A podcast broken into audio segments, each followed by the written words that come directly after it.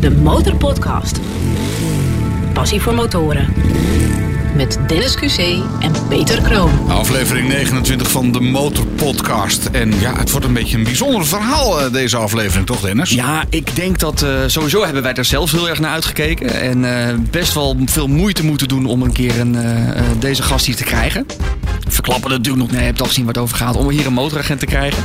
En ik merk ook dan aan de reacties die jullie eh, thuis hebben gegeven, aan de hoeveelheid vragen die we hebben binnengekregen, dat dit echt een gast is waar veel mensen veel van willen weten. Het is echt niet normaal hoeveel vragen jullie hebben ingestuurd, dus dank daarvoor.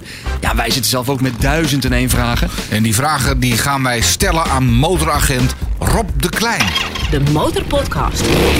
Passie voor motoren.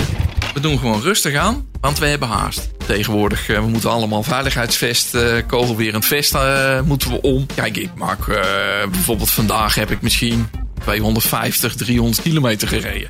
Maar ik heb ook wel eens dagen dat ik 600 kilometer rijd. Bij ons op de afdeling hebben we geen auto's. Kwam de eh, kwam op een of andere manier, ik weet ook niet waarom. Maar ik vond dat gewoon gelijk een heel mooi model. En daar heb ik er een paar van gekocht. En dan maakt het niet uit of dat we heel hard gaan of langzaam gaan. Het is juist de bedoeling dat we gewoon blijven rollen. De Motorpodcast. Achter het vizier van... We zitten achter het vizier van Rob de Klein, eh, motoragent. Maar hij is ook van het team Motorondersteuning. Rob, welkom. Dankjewel, dankjewel. Ja. Ik heb er naar uitgekeken. Wij ook en de luisteraar ook. Want we hebben inderdaad, eh, wat Dennis al zei, er zijn heel wat eh, reacties, al, of tenminste vragen binnengekomen. Leg eerst even uit, eh, wat voor motoragent ben je? Want toen je hier binnenkwam, zei je van, nou, je hebt verschillende soorten motoragenten. En ik dacht altijd, motoragent, ja, je hebt maar één motoragent. Dat is de motoragent op een, op een dikke BMW. Maar dat is dus niet zo. Nee, eigenlijk ja, je hebt verschillende motoragenten, maar de, de, je hebt een motoragent voor in de wijk, die met een lichtere motorfiets rijdt. Dan heb je een motorrijder die bijvoorbeeld op de ring rijdt van een grote stad. En die rijdt meestal met een BMW Boxer. En wij zijn van, eh, ja, wij zijn van de landelijke eenheid, de landelijke eenheid, team motorondersteuning. En wij eh, doen, onze hoofdtaak is VIPs begeleiden. Dus ja, wij hebben eigenlijk alles. Eh, alles. Jij jij doet alle takken van alle, sport. alle, alle takken, ja. Ja, als het in de wijk is, dan rij je ook gerust de wijk in. En eventueel de ring van de snelweg op. Of nou ja, het kan door het hele land zijn Ja. eigenlijk. ja. Maar focus van jouw werk is dus het begeleiden van bijzondere transporten. Het, het meer speciale, de specialere inzet, als ik het zo Ja. mag noemen. Want onze hoofdtaak is VIP-begeleiding. VIP-begeleiding. Ja. Oké. Dat, dat, dat prikkelt meteen de nieuwsgierigheid. Hè? Wie zijn die VIP's dan? Is dat Maxima bijvoorbeeld die even aan de andere kant van het land wil shoppen? Of zijn het andere bekende Nederlanders? En dan komt nu het politiek correcte antwoord, denk ik. Nou, Wij eh, begeleiden, eh, ja, Willem-Alexander en eh, Maxima, die begeleiden wij regelmatig. Ook eh, ministers van Buitenlandse Zaken, die hier naar Nederland komen op uitnodiging van eh, Rutte. Die, eh, die begeleiden wij ook. En we doen eh, ja, alle soorten VIP's die, eh, die hier in het land komen. Die, eh, wordt wel getoetst of dat die begeleiding nodig hebben. En, en ook, ja, soms moeten dingen ook beveiligd worden. En we doen ook nucleair transport. En we doen ook eh wielenkoersen begeleiden. En we doen ook met, met bevrijdingsdag.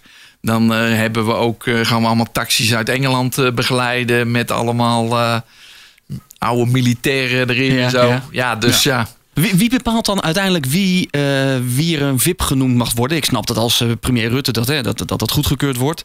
En eh, een lid van het Koninklijke Huis of een gast van het Koninklijke Huis of, of eh, de premier. Dat is een VIP. Ja, dat is een VIP. Maar stel je Ja. nou voor dat iemand een aanvraag doet voor een, weet ik veel, een, een wereldbekende rapper uit Amerika. En die belt de politie op en wil graag politiebegeleiding. Nee, dat doen we niet. Dat wordt Nee, niet gedaan. Nee, wordt Moet niet echt Koninklijk Huis. eh, Koninklijk Huis en, en eh, ja, eh, eigenlijk buitenlandse zaken, die bepaalt. Oké. Ja, ja. Dus eh, er, wordt, er wordt de uitvraag gedaan.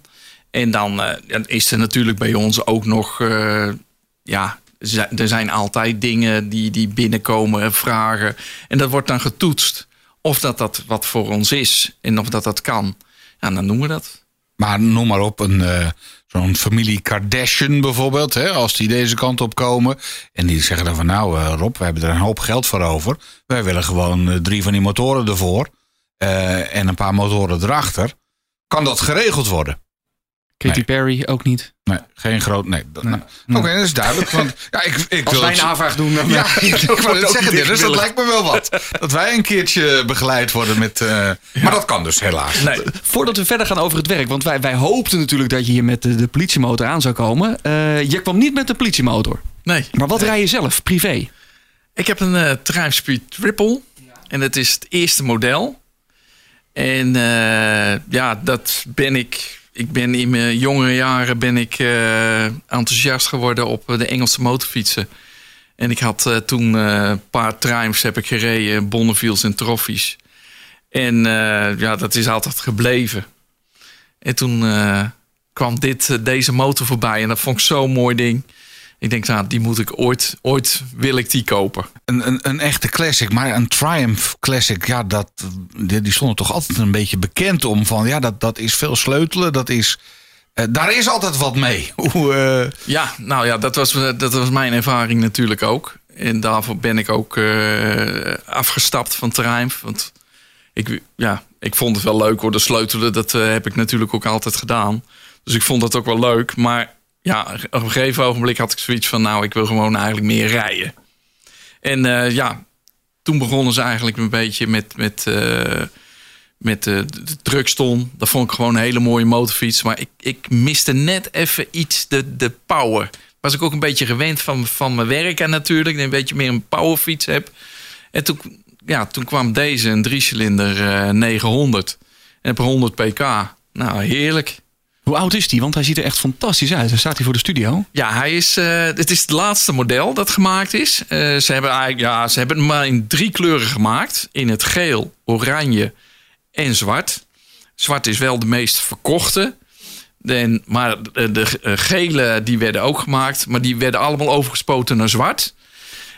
Dus als je nu nog een gele hebt, dan ben je wel heel exclusief. Dat, eh, dat is wel zo. Maar ik vind zwart de mooiste. En eh, oranje is die ook gemaakt. ja, hij staat hier echt te schitteren voor de deur.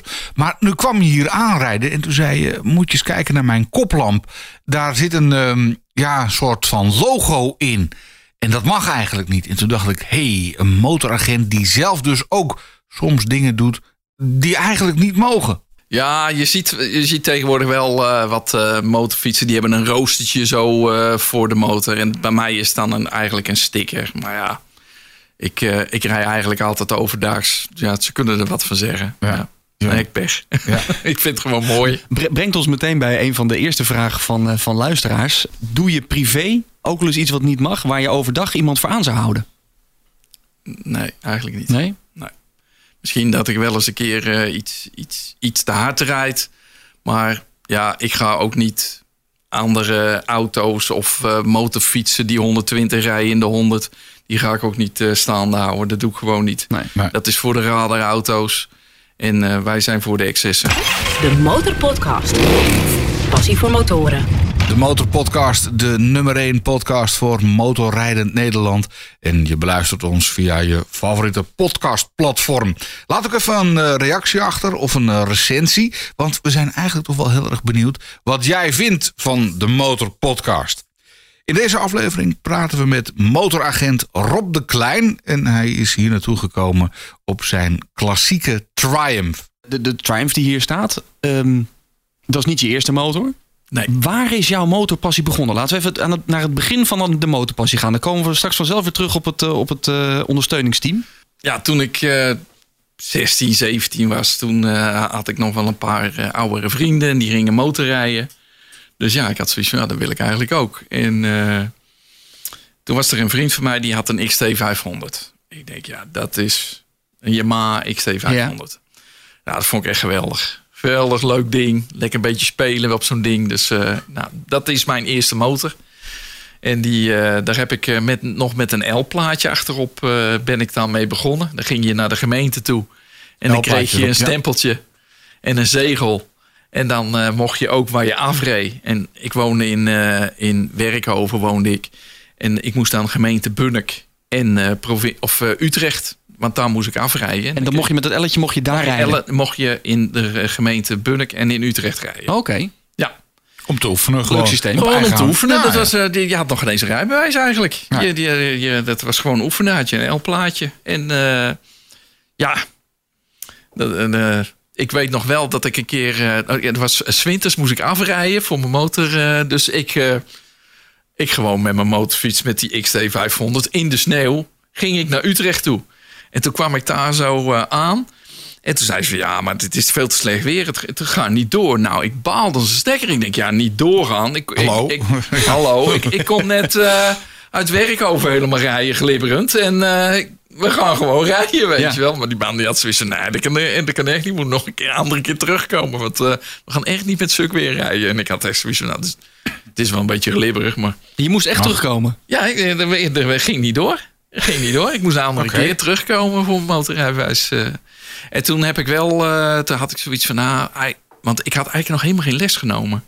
Helemaal niet. Ik had gewoon een boekje eh, en had ik wat geleerd. En ik denk, nou, dat komt Ja, wel goed. Een beetje oefenen. Ja, Ja. En, en toen had ik zoiets van, nou weet je wat, ik, laat ik toch maar twee, drie lessen nemen of zo. Nu ben ik naar een motorkerel gegaan in, in Bunnik en die, die heeft een paar keer achter me aangereden. En die zei van, nou dat ziet er best goed uit. Dus ik was ook in eentje geslaagd. Oké, nou mooi. Ja. En dan, ja, ehm, Wat ga je als eerst rijden? ja. Nou, ik heb dus eerst altijd met die, met die XT500, de L ging eraf. De L eraf, ja. En eh, daar heb ik mee rondgereden. En, eh, maar die moest je altijd zelf aantrappen. Hè? Dat was de, de Ja, dat is- 500 eh, cc. En Dat was een eencilinder, die moest je aantrappen. En ik had wel eens een keer dat die terugsloop. ja, dat kan behoorlijk pijn doen. Ja, ja, dat doet behoorlijk zeer. En ik ben dat je er bijna vanaf vliegen. Hè? Dan werd gewoon een beetje Ja. gelanceerd zo. Ik had zoiets van, nou, dat eh moeten we toch maar eens een keer eh, iets anders zien te verzinnen. En ik wilde natuurlijk ook meer... Dit was een motor een beetje om voor te spelen in de buurt. En ik had zoiets van, ja, ik wil eigenlijk eens een keer wat, wat verder wegrijden. En, eh, en ja, toen was het gewoon... eh, kwam de Triumph eh, kwam op een of andere manier. Ik weet ook niet waarom. Maar dat, ik vond dat gewoon gelijk een heel mooi model. En daar heb ik er een paar van gaan, gekocht. En die even weer netjes gemaakt en weer doorverkocht. En dan kocht ik weer een iets betere. Elke Ja. keer werd het iets beter. Maar het bleef wel sleutelen. Ja. Ja, maar je bent zelf dat- handig. Ja, ja, daarom. Het maakte mij ook helemaal niet zoveel uit. Dus, maar eh, ja, En sleutelen was je beroep aanvankelijk, hè? ja, ja. Want je bent eigenlijk automonteur. Ik ben, eh, van, van, ik ben Van huis uit. Van huis uit ben ik eh, automonteur. En ik ben begonnen bij een Volvo garage. En toen ben ik eigenlijk mot- of automonteur geworden bij de politie. En toen hadden ze daar hadden ze een motormonteur nodig. Toen heb ik wat cursussen gedaan. En toen eh, ben ik motoragent of motormonteur geworden bij de politie. En dan, dan sleutel je aan die motoren van die agenten. Ja, En wat is dan, ja, dan, dan, is bijna de logische stap, dan wil je er zelf ook op rijden.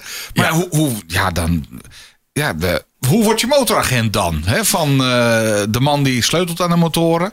Eh, ik ging dus als die jongens, die, dat was al de, de motorondersteuning.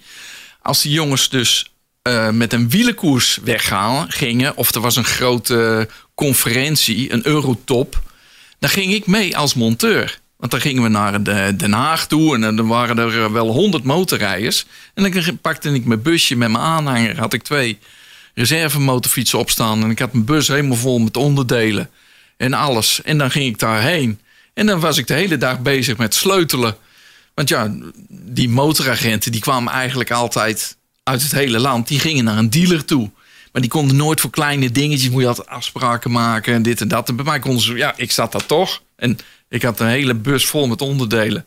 Dus ik maakte alles. En wij hadden toen, reed de meeste, die reden bijvoorbeeld K100. Dat was, hè, dat, ik, ik ben eigenlijk motormonteur geworden tussen net dat de boxers, zeg maar de R100, Ja. dat waren de twee cilinders, die gingen eigenlijk weg. En bij ons kwamen de K100's. En die zijn later Welke tijd hebben we het dan nu over? 90, jaren 90, 89 Ja, oké. denk Ja. ik. Nog net voor de jaren 90. Maar toen ben ik eh, motormonteur geworden. En toen hadden we de K100. En die hadden bijvoorbeeld een ruit. Er zat zo'n zo'n ruit op. Maar iedereen die had een beetje eigen motor. En, eh, maar de ene die was natuurlijk kleiner en de an- dan de andere motoragent. Ja. En dan weet je nog wel, kwamen ze zo en had ik gewoon een, een eh, hoe heet dat, een eh decoupeerzaag. En dan zei ik van, nou zeg het maar. Hoe, hoe, Ga maar zitten. Ga maar zitten. En, en dan tekende ik zo de ruit af. En ik had dat zo vaak gedaan. Ik, ik, ik zaagde hem zo, zo de, gewoon van- met de hand zaagde ik zo de ruit eraf. Ja, En dan maakte ik hem precies op maat. En dan eh, maakte ik hem even mooi, mooi eh, strak Glad, en glad. En eh, nou, dat vonden ze helemaal geweldig. Of dat als die ruit, die eerste types, die stonden nogal een beetje... naar je toe. Naar Dan je toe. Blaast die echt in je gezicht. Ja, ja. en dan had ik van die kegjes. ja. En die, die zette ik er, eh, van die kegjes eh, zette ik eronder. Dus ik maakte eigenlijk die motorfietsen naar ieder zijn. Beetje customizen. Ja, eigenlijk naar hun, hun eh, zin. De ene was wat langer en... Want, want als eh, de agent dat normaal wilde, dan gingen ze dus naar gewoon een lokale dealer. Van joh, ik heb Ja. iets samen met dit of dat. Ja, en dan moest het eh, allemaal overleggen. Maar dat was, dat was toen ook nog niet. Kijk, nu zijn alle motorfietsen zijn ge- geleased. Dus ja, die, die motorfietsen die zijn ook allemaal in onderhoud bij de dealers. Ja. Maar dat deden wij eigenlijk allemaal zelf. Ja. Heeft elke motoragent eigenlijk zijn tussen haakjes eigen motor? Zit je altijd op je eigen of je dezelfde motor? Ja, wij hebben het geluk wel.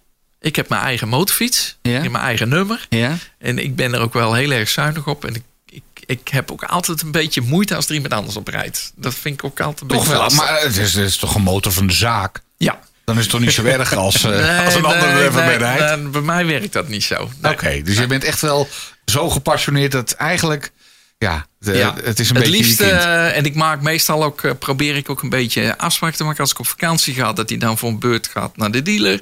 Ja. Weet je, dat probeer ik altijd een beetje te doen. Dat eigenlijk, Maar ik snap ook wel, want het moet wel voelen als een, als een, als een jas natuurlijk. ja, je moet, het is gewoon gereedschap Ja. en hij is helemaal afgesteld op mij wat ik wil, weet je wel. En eh, het zadel staat precies goed en je hebt altijd instellingen die voor jezelf.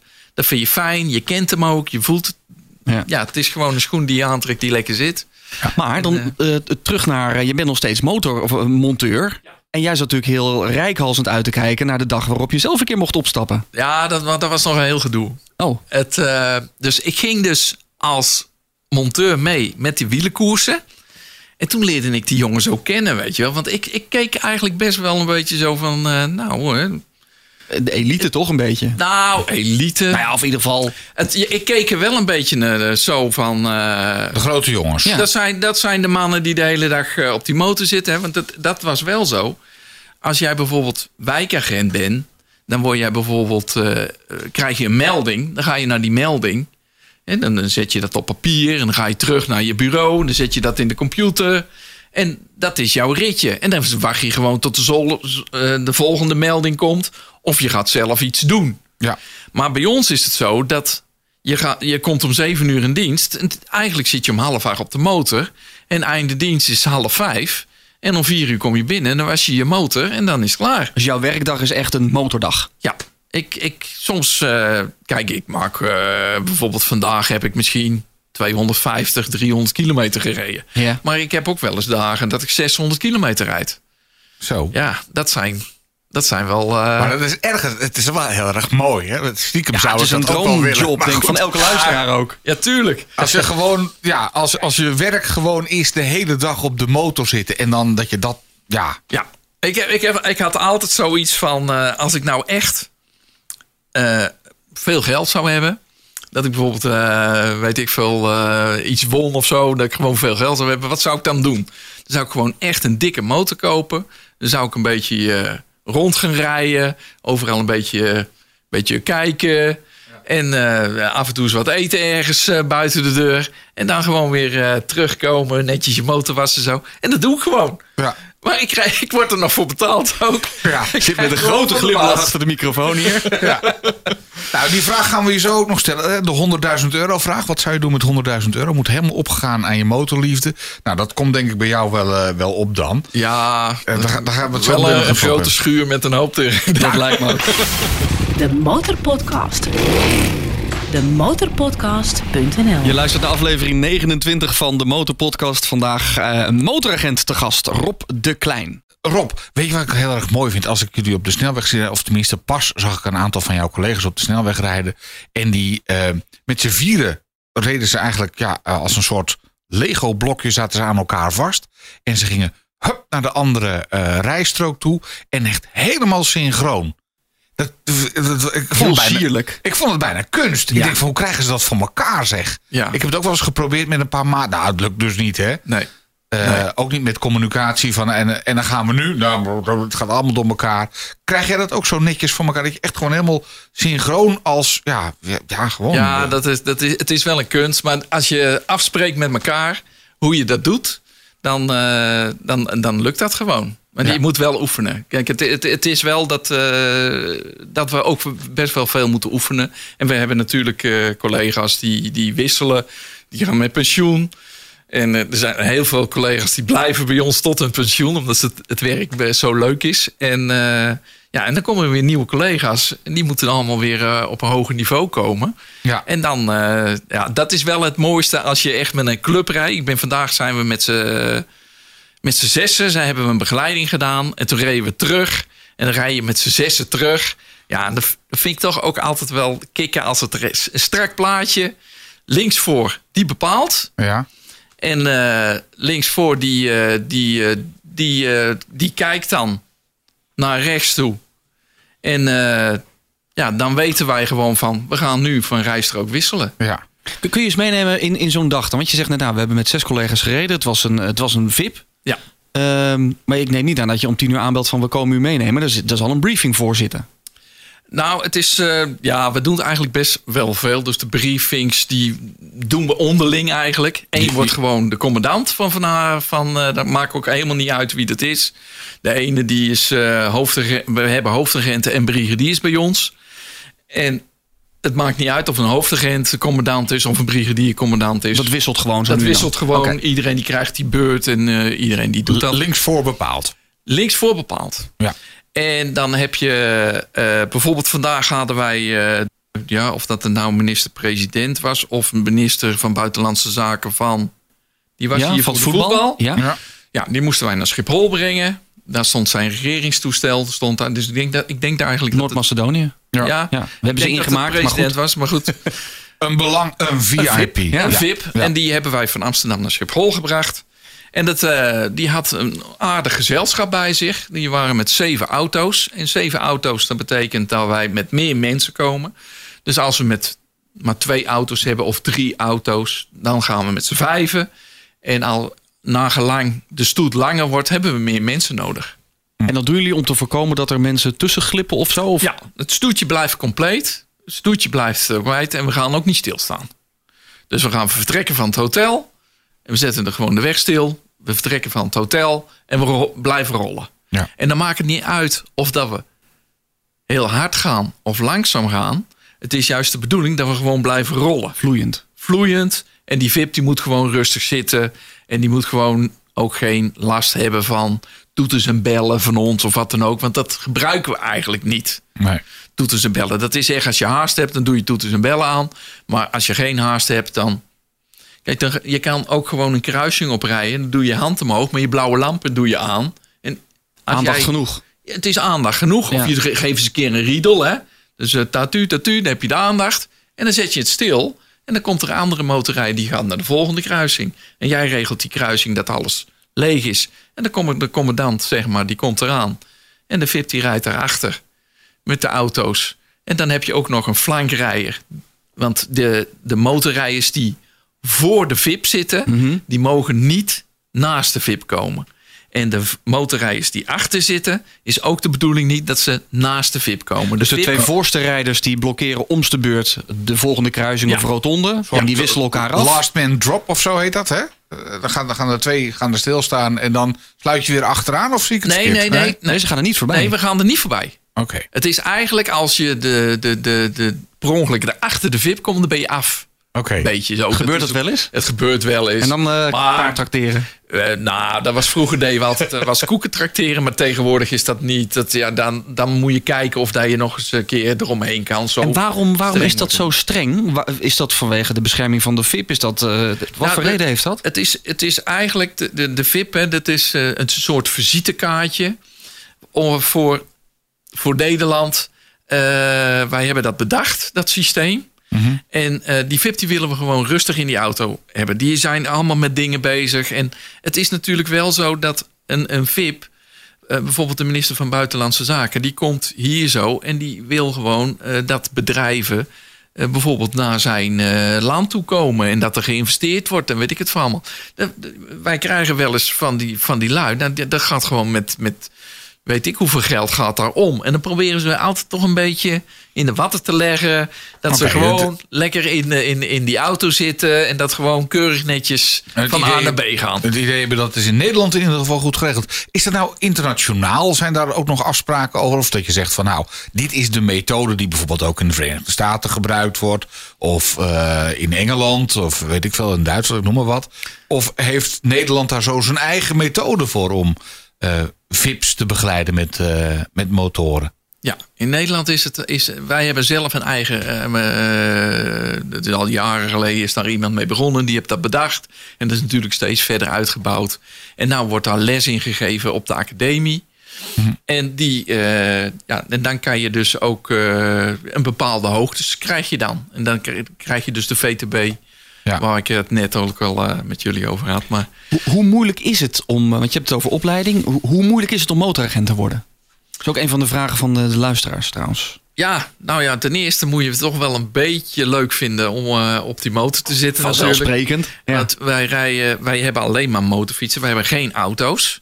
Dus eh, ja, als... Word je ook nooit ingezet met, met een auto? Zeggen ze van nou, Rob is motoragent, alleen op de motor. Die ja, we gaat- hebben, bij ons op de afdeling hebben we geen auto's. Oké. Dus als er... eh, eh, eh, vroeger was het zo, wij reden altijd motor.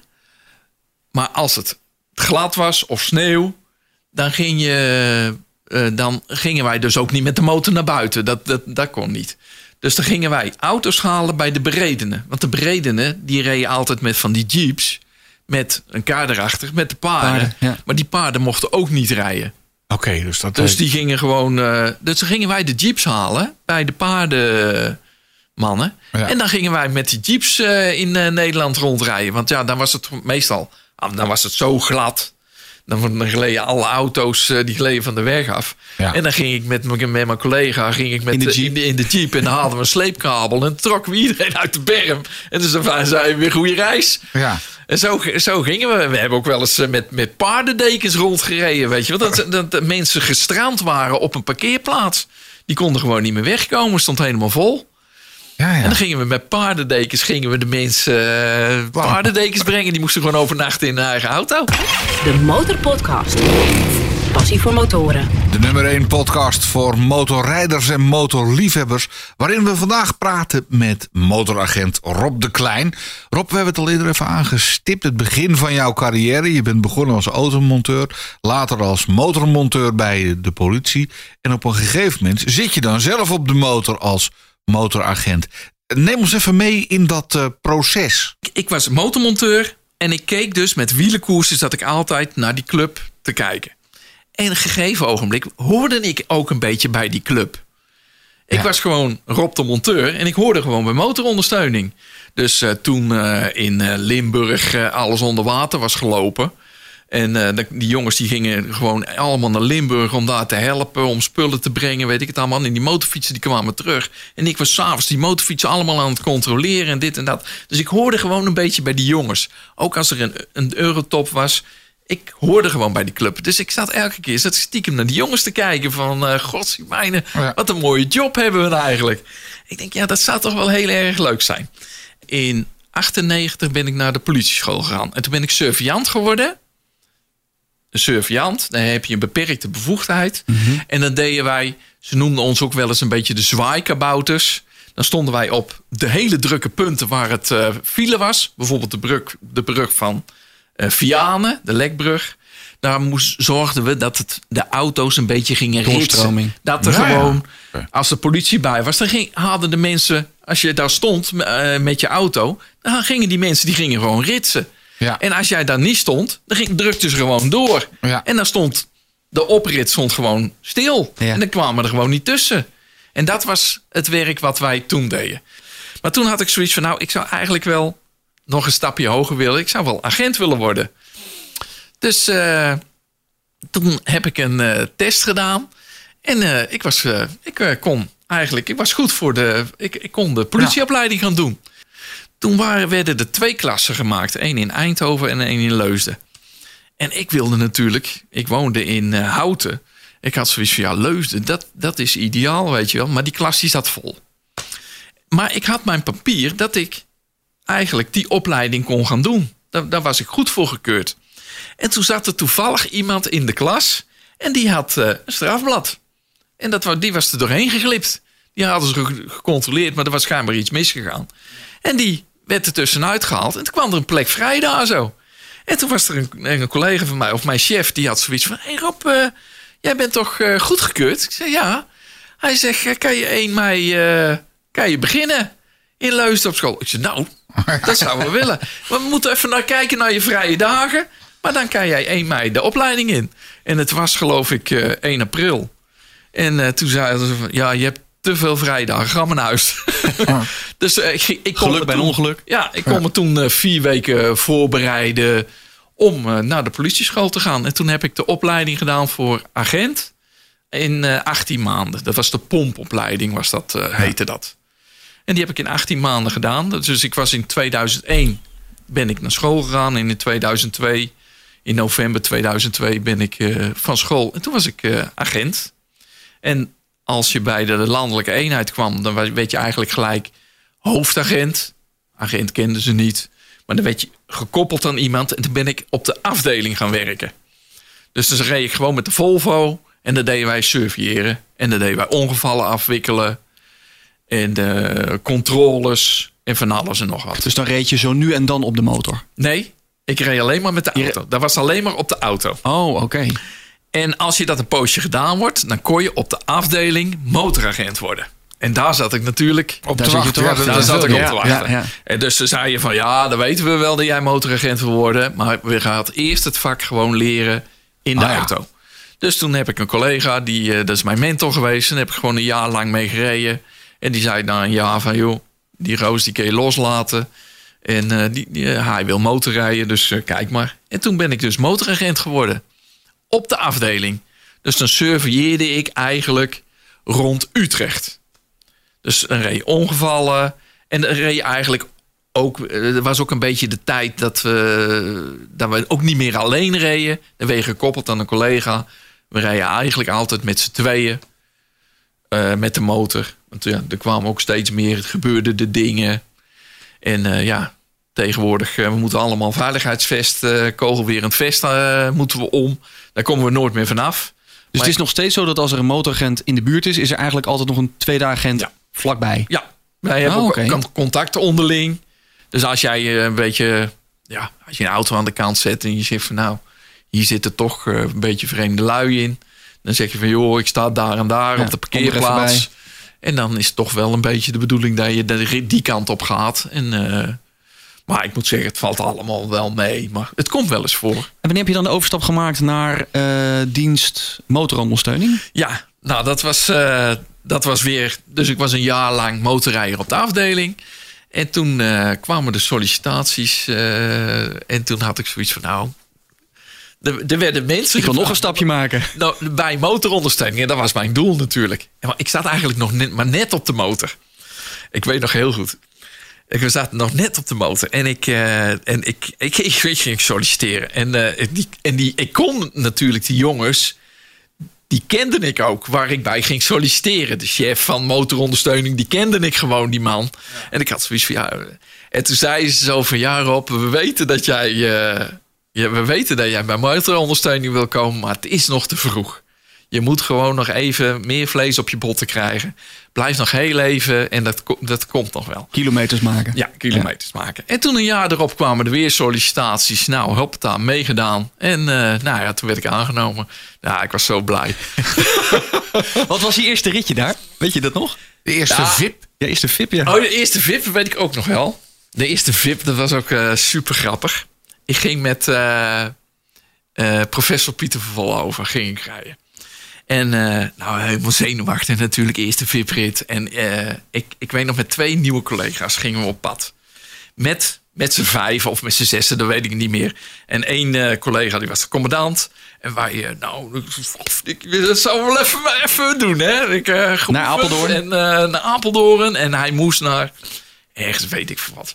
Nou, we waren bij eh, de A30 op de A10. Zouden we de A30 op gaan. Het ging helemaal verkeerd. Het was rommelig. Het was, dus dat, er zat er veel te, te Ja. druk. En, en we waren met van alles bezig. Maar niet zoals het hoort. Nee. Want weet je, eh, eigenlijk is het zo. Als wij ergens naartoe willen. Dan is het mooiste is als je gewoon de snelweg opgaat. Je voegt in met 70 km per uur. De motorrijder die achterrijdt, die maakt een gaatje. Je voegt in, je wacht heel even. Dan ontstaat er een druppel, want jij rijdt 90, ga je 90 rijden. Het verkeer dat gaat een beetje weg je. Je gaat naar de linkerrijstrook. De eerste motorrijder gaat naar voren toe. En die stuurt gewoon de auto's naar de tweede rijstrook. Of naar de derde rijstrook. Die sturen gewoon iedereen weg. En wij kunnen dan gewoon doorbollen. Dus het is eigenlijk niet dat we heel snel gaan. Maar het moet gewoon lekker vloeiend gaan. Ja, je creëert je eigen ruimte eigenlijk. Ja, je creëert je eigen ruimte. En het is natuurlijk ook, als wij bijvoorbeeld eh, een- op de snelweg, bijvoorbeeld we gaan naar Amsterdam, moeten we naar Schiphol. We draaien de A10 op. Dan heeft het ook geen zin om allemaal auto's in te gaan halen. Dat heeft helemaal geen zin. Die VIP die heeft een eh, eigen eh regeringstoestel. Ja, die hoeft niet in te checken Die hoeft niet in te checken, niks. Die, die moet gewoon om tien uur moet hij daar zijn. Nou, hij stapt om half tien stapt hij in die auto. En, wij, eh, en dan houden we gewoon het verkeer ook. We gaan gewoon 100 rijden. Dan houden we gewoon in een druppel. Zorgen gewoon van de motorrijders voor. Die doen de toeritten stilzetten. Dan de flankrijder, die neemt dat weer over. En zo. En dan zit hij gewoon in een druppel. En dan komt hij super rustig aan. Dan denkt hij van... Nou, in Nederland is het helemaal niet druk. Want het is gewoon rustig. Maar. Kwam, kwam meester Pieter van Vollenhoven nou nog op tijd aan, of niet? Ja, die kwam wel op Oh, die kwam wel op tijd aan. Maar hij heeft er ook helemaal niks van gemerkt. Maar die eh, jongen die commandant was, die had zoiets van... Nou, Kan ik, heb een stel, ik heb een stel jonge honden bij, ze- bij me. Die moeten nog even een beetje tot rust gemaakt worden Ja, ja, ja. Om, eh, om het te doen. En Hoor je is- überhaupt wel eens iets van een VIP terug? Ja, heb je, heb je er contact mee? Ja. nou, Of via via of zo? Dat ze achteraf zeggen, nou Rob, eh, dat was top. Ja, Wel dan. ja, ja. ja. Ja, Macedonisch. Dat, dat, dat, eh, dat is wel, eh, weet je, als je ze afzet bij eh, Schiphol, bij eh, de, de VIP, eh, VIP-room, dan gaan we ook netjes staan, weet je wel. En dan, eh, nou, dan stapt hij uit. En meestal doet hij een knikje. Of sommigen die, die komen echt naar je toe en die vinden het echt heel erg leuk. En sommigen die een, een lange rit, als we bijvoorbeeld een eh, minister ophalen die in België geweest is, die naar Rutte toe gaat. En dan eh, is er één motorrijder die staat bij het tankstation. Die wacht tot het spul eraan komt. Nou, en dan gaan we even uit. En meestal zit de VIP, die zit dan ook in een andere auto. En die maakt, stapt dan over in de auto van de DKDB. De Dienst Koninklijke Beveiliging. Oh ja. En die stapt dan in die auto. En dan brengen wij het hele spul. eh, Oh, dan vindt er ook een... een eh, oh, ja, een meestal autowissel. een eh, autowissel. Ja. Of ja, kijk, als het de, de premier van België is, die blijft gewoon in zijn eigen auto zitten. Die heeft zoiets, joh. eh. Ja. En dan sluit er wel eh, de DKDB-auto. Die sluit wel achter Ja. de VIP. Want het- hij valt tenslotte onder. Hij zit op Nederlands grondgebied. Dus hij valt daar onder, onder DKDB en onder onze bewaken beveiliger. Maar net zei je van eh, wij in Nederland hebben daar zo ons eigen systeem voor, hè, Ja. eh, die begeleiding. Dus als dan de VIP overgeladen wordt, nou ik zeg het een beetje oneerbiedig, maar die gaat dan in een auto van Nederland. Ja. Ehm, hoor je dan wel eens van, nou ja, in Nederland was het toch wel heel erg goed geregeld. Hè? Ik bedoel, eh, een eigen systeem en een, net even beter dan de Belgen bijvoorbeeld. Ja, eh, ja, dat hoor je wel eens. Dat hoor je wel eens. nou, dat, dat- dat- Dat steek ik niet onder stoel of banken. Ik, ik, ik vind ook dat we het heel erg goed doen. ja. En er- zijn ook mensen die komen, eh, de Oostenrijk en eh, sommigen die komen ook gewoon kijken hoe wij het doen. ja. En die, eh, die, die, ja, die vinden dat gewoon heel erg fijn. Want ja, in, in, bijvoorbeeld in Amerika, daar, die, die reizen met die Harleys en dat is allemaal... wieuw. Het hele eind. Ja. Ja, en, en nou, de trekken. filmpjes op, eh, op, eh, op YouTube, eh, dat, die kan je zien hoe het in Italië gaat, weet je wel. Dan, dan slaan ze met die, met die botjes, zitten ze zo op de daken te slaan. Echt En, waar? en Oh. zo gaan ze... Serieus? Ja, ja, ja. Er, er zijn filmpjes zijn op YouTube Oké. Nou, ik vind dat wel van, begeleidingen. En dan is het bij ons is het zo van eh, rustig, rustig aan. We doen gewoon rustig aan, want we hebben haast. Ja. Snap je? We doen gewoon rustig aan. En als we eenmaal bollen, dan blijven we gewoon lekker bollen. Heb je nou toch wel eens dat er toch iemand eh, tussen glipt?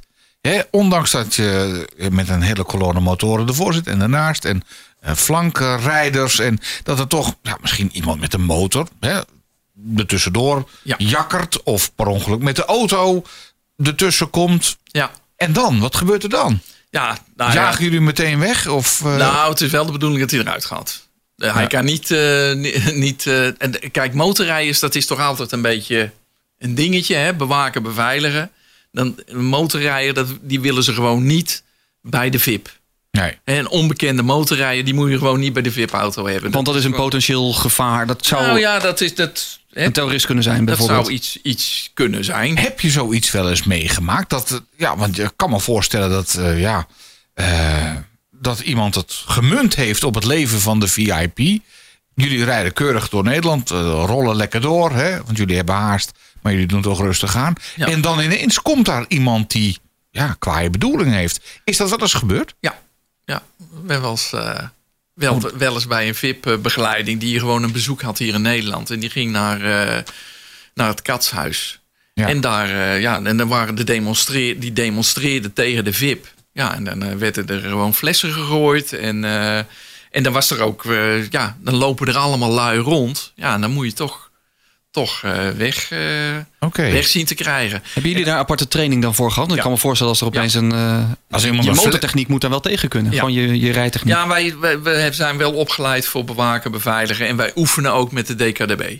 Ja, want ik kan me voorstellen dat iemand een fles naar je toe gooit. Maar, maar, maar een stapje erger, hè? Zo, zoals we het ook wel eens zien in de film.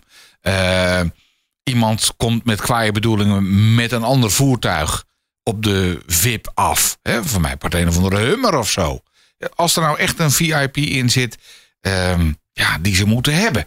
Ja, Om wat voor reden dan ook. nou ja, kijk. Kun je dan nog iets doen? Of is het dan van, nou jongens, eh, Nou, het is- hadden we even niet op gerekend. Nee, ja, je, je bent natuurlijk ook kwetsbaar op de motor.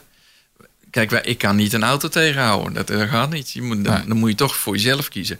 En die VIP die zit natuurlijk wel in een auto die Gepantserd. of gepantserd is Ja. of eh, Tegen een stootje kan tegen een stootje kan. Ja. En die jongens die daarin zitten, die hebben een hele zware opleiding gehad. Ja, want jullie zijn dan meer bedoeld voor eh, het, het, hoe heet het, het rustige transport dan voor de directe veiligheid van de VIP. Ja, dan moet de auto eigenlijk Wij we dwingen af, hè? Tuurlijk, tuurlijk. We je maakt ruimte. Hè, het is toch een beetje afdwingen van nou, nu aan de kant, want we willen door.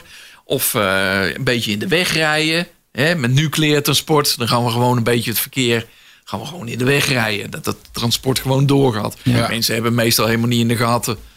Die denken van ja, wat, Een wat, container. wat zit die motorrijder eh, daar nou te doen? Die hebben helemaal niet in de gaten dat wij met een begeleiding bezig zijn. Dus gewoon slim in de weg rijden. Ja. Heet dat. Ben je, ben je wel bewapend als, eh, als je zo- zo'n VIP-transport doet?